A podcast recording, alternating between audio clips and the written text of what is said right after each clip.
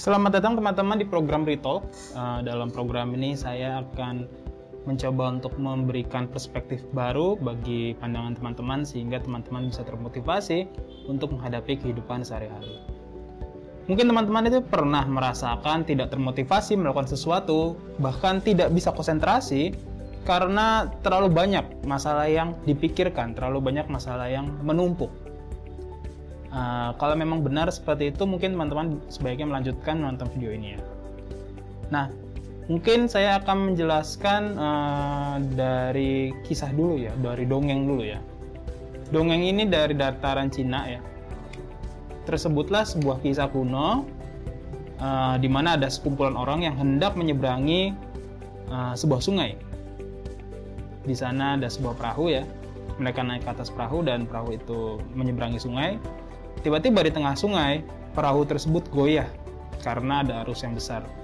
Lalu semua orang di atas perahu itu jatuh ke sungai. Semua orang yang jatuh itu rata-rata adalah pedagang. Mereka semua dididik untuk bisa e, berdagang lintas kota sehingga mereka bisa berenang.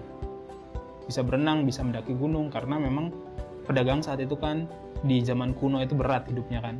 Nah, para pedagang ini yang bisa mereka bisa berenang, mereka melepas barang bawaan mereka dan membiarkan barang bawaan itu tenggelam ke dasar sungai sehingga mereka bisa berenang sampai ke ujung sungai yang satunya. Sementara ada salah satu kawan mereka yang biasanya bisa berenang, kesulitan berenang seperti ingin tenggelam. Lalu mereka nanya, e, mereka berteriak terhadap kawan yang kesulitan ini. Kawan, hendaklah ke tepian, kalau tidak kau akan terseret arus. Lalu si orang yang mau tenggelam ini bilang, di pinggangku terdapat seribu perunggu. Saya kesulitan berenang karena uang ini. Lalu temannya bilang, buang semuanya, lekas kemari. Tidak, saya tidak akan membuangnya. Karena sudah susah ku cari, masa aku biarkan hilang? Kalau kau tidak membuangnya, maka nyawamu taruhannya. Nah, sayangnya orang yang yang tadi mau di pinggangnya itu ada seribu perunggu itu nggak mau mendengarkan perkataan temannya sehingga akhirnya dia kecapean sebelum sampai ke tepi dia tenggelam. Terseret arus sungai. Dari sini kita bisa memahami bahwa kadang kita itu memiliki banyak masalah ya. Mungkin kalau kita bayangin orang yang ada di yang ada seribu perunggu mungkin dia punya masalah dia ingin kaya. Mungkin dia punya kebutuhan membayar uang untuk kebutuhan uh, cicilannya atau hutangnya atau mungkin kesehatan orang tuanya atau buat anaknya atau buat istrinya atau dia buat investasi. Dia punya beragam masalah terkait dengan seribu perunggu yang ada di uh, pinggangnya. Tapi dia nggak tahu bahwa saat itu kondisi itu prioritas masalahnya adalah nyawanya sendiri seribu perunggu itu sama nyawanya lebih mahal nyawanya dia tidak sadar. Karena dia mem memikirkan masalah yang selainnya. Padahal untuk mencapai mencapai selamat dalam sebuah krisis kan kita uh, ketika kita masuk ke dalam krisis kita harus keluar dari krisis tersebut kan. Ketika kita ingin selamat dari krisis kita itu harus bisa melepas banyak hal. Pengusaha melepas hartanya melepas asetnya. Dia melikuidasi aset-asetnya diubah jadi uang untuk bisa menghidupi perusahaannya. Saham-sahamnya dijualin. Sehingga nanti di indeks harga saham itu banyak yang turun kan. Indeks harga saham gabungan kita kan 6000 ke atas waktu awal kali Pak Joko Pak Jokowi menjabat kan 6000 ke atas. Lalu pas krisis 5.900 indeksnya turun. Kenapa? Itu karena para pengusaha melepas aset-asetnya untuk menghidupi perusahaannya. Karena mereka tahu yang prioritas itu perusahaan mereka. Aset-aset mereka ya hanya tinggal aset itu. Dipertahankan untuk apa kalau perusahaannya hancur? Sehingga untuk bisa lepas dari krisis, kadang-kadang kita itu perlu mengorbankan banyak hal. Nah, tapi kita kita itu kadang-kadang sebagai manusia itu serakah. Kita ingin menyelesaikan banyak masalah, kita ingin memiliki banyak hal sekaligus, ya alih-alih masalahnya selesai, bukannya masalahnya selesai, malah dia diselesaikan oleh masalah. Maksudnya, dia malah gagal menyelesaikan masalah. Kita tuh harus tahu yang mana prioritas bagi kehidupan kita. Gitu. Kalau enggak ya kita akan ya kehilangan hidup kita kemungkinan besar yang paling buruk gitu. Mungkin ada kisah juga ya. Ada kisah di mana ada seorang petani yang sedang mencangkul di sawah ya. Tiba-tiba ada pemburu yang berlari tergesa-gesa lalu petani itu nanya, "Ada apa, Pak?" Lalu si pemburu itu bilang, "Saya menjerat burung-burung.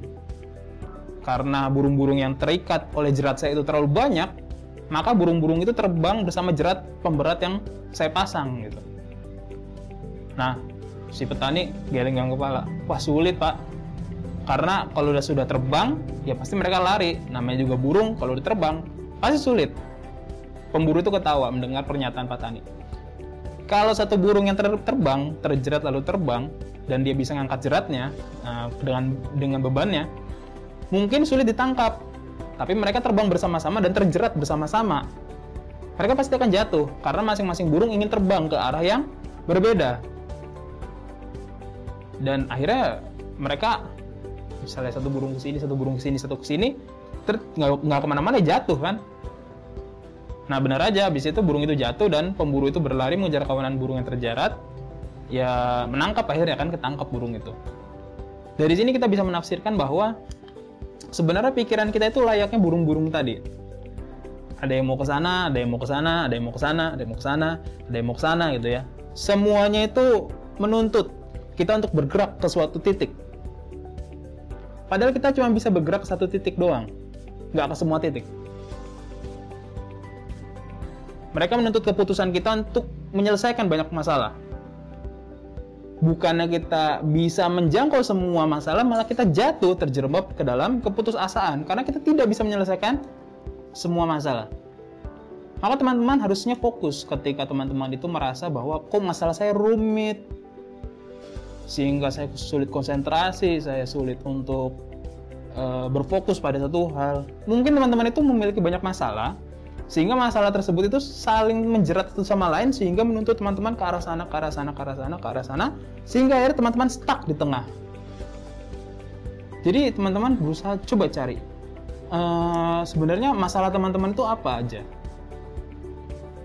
Coba masalah teman-teman itu apa aja. Terus yang prioritas apa, yang non prioritas diambil dulu lalu ditaruh di kotak penyimpanan. Masalah prioritas itu yang berat dan waktunya itu pendek, jadi urgent gitu ya. Biasanya kalau saya itu menggunakan buku harian untuk mencatat masalah-masalah yang saya pikirkan. Misalnya tiba-tiba saya kepikiran, oh saya harus membuat program seperti ini, saya catat dulu di buku harian. Saya ingin bikin program seperti ini. Oh saya mau mau apa? Saya mau memperbaiki apa manajemen seperti ini, saya ketik dulu di catatan. Saya ingin memperbaiki ini nih. Tapi kalau semua itu biarkan di kepala, mereka mengawang di kepala, itu semuanya akan menarik ketika saya konsentrasi pada satu hal yang prioritas, mereka menarik, meminta perhatian. Akhirnya apa? Saya nggak bisa jernih kepala saya. Akhirnya saya saya bikin dulu catatan list uh, to do list ya, apa yang akan saya lakukan nanti setelah saya menyelesaikan yang prioritas. Tapi tapi kalau mungkin teman-teman itu nggak suka nulis buku harian atau teman-teman itu orang yang ekstrovert, teman-teman itu bisa curhat. Karena saya juga punya teman yang ekstrovert, biasanya dia curhat untuk bisa menjernihkan kepala. Dia mengungkap masalah apa yang dipikirannya lalu saya bantu. Saya tanya kembali. Biasanya saya menjadi reflektor. Kan saya introvert jadi suka mendengar. Saya jadi reflektor. Jadi lu mau ke mana? Saya tanya gitu dia bilang ya gue mau nyari kerja misalnya ya gue mau bikin usaha. Atau apa gitu. Gue mau nyelesain S2 gue jadi saya selalu nanya setelah ini lu mau ke mana? Apa yang lu mau prioritaskan? Lu mau mau ngapain? Jadi saya selalu nanya apa yang akan dilakukan gerakannya habis ini? Kadang-kadang masalah yang muluk-muluk tapi ternyata gerakannya cuma satu. Banyak masalah yang tidak prioritas. Yang disingkirkan dulu ternyata. Yang bisa disingkirkan dulu.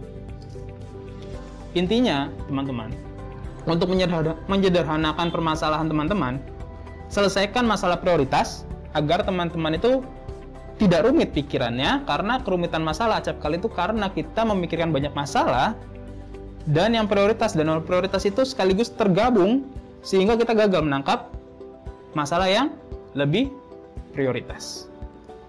Nah, seperti itu teman-teman, bisa langsung dipraktekkan nanti di rumah. Kalau teman-teman merasa hidup itu rumit gitu ya, padahal hidup, hidup itu simple kok.